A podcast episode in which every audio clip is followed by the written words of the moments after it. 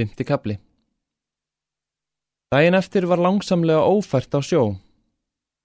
Hrakviðrið sem verið hafði af landsuðri dæin áður hafði nú gengið til útsuðurs og brymið við þegar hann útskaga var í algleimingi. Öksnakeldi Toppi var ekki fótferðafær þennan dag. Meðslinn á honum voru nú komin út til fulls og honum var óhægt að leggja á hörðum bálkinum þannig til reyka. Salomón gerði allt sem hann gat upphugsað til þess að gera honum vistina sem besta og reyndi að gera honum bælið sem mikst en því að týna að honum frá sjálfum sér. Þar til svo mátti heita að hann lægi sjálfur á tómu raungrjótunu.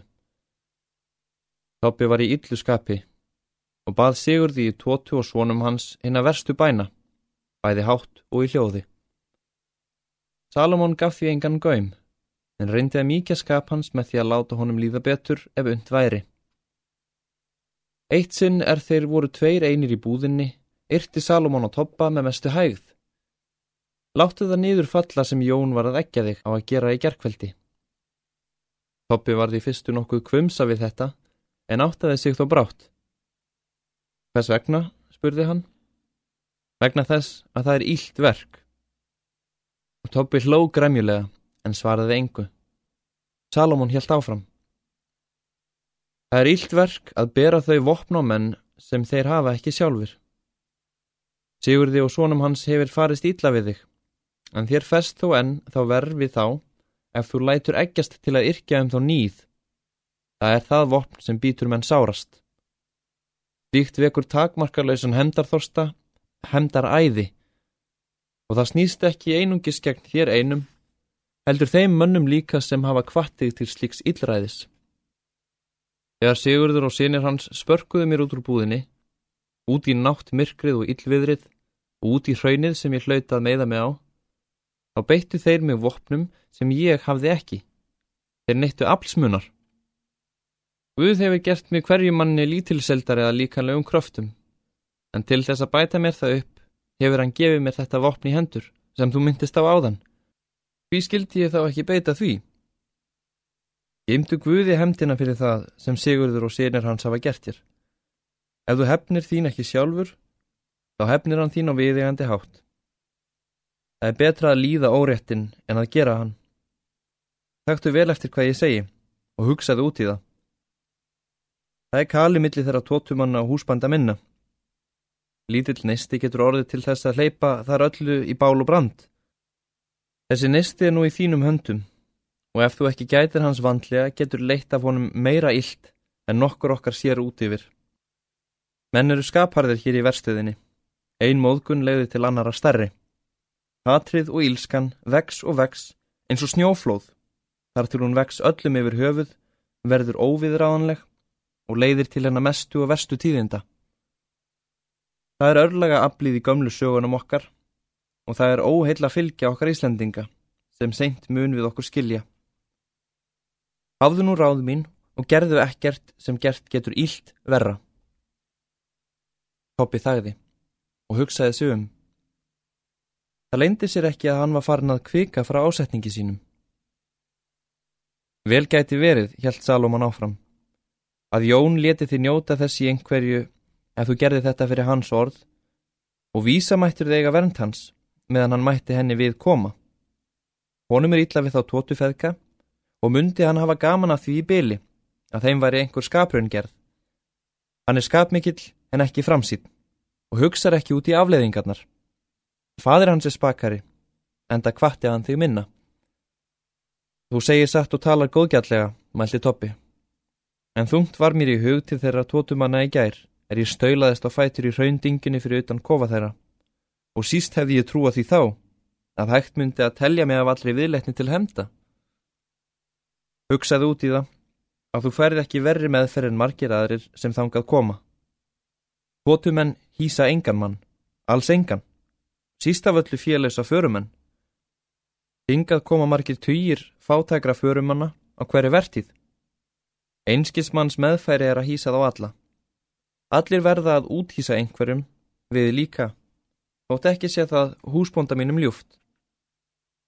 Margir þessara manna kynna sig að þjófna því og ýmsum ókneittum, En oft er erfitt að vita fyrir hverju maður opnar reysið sitt.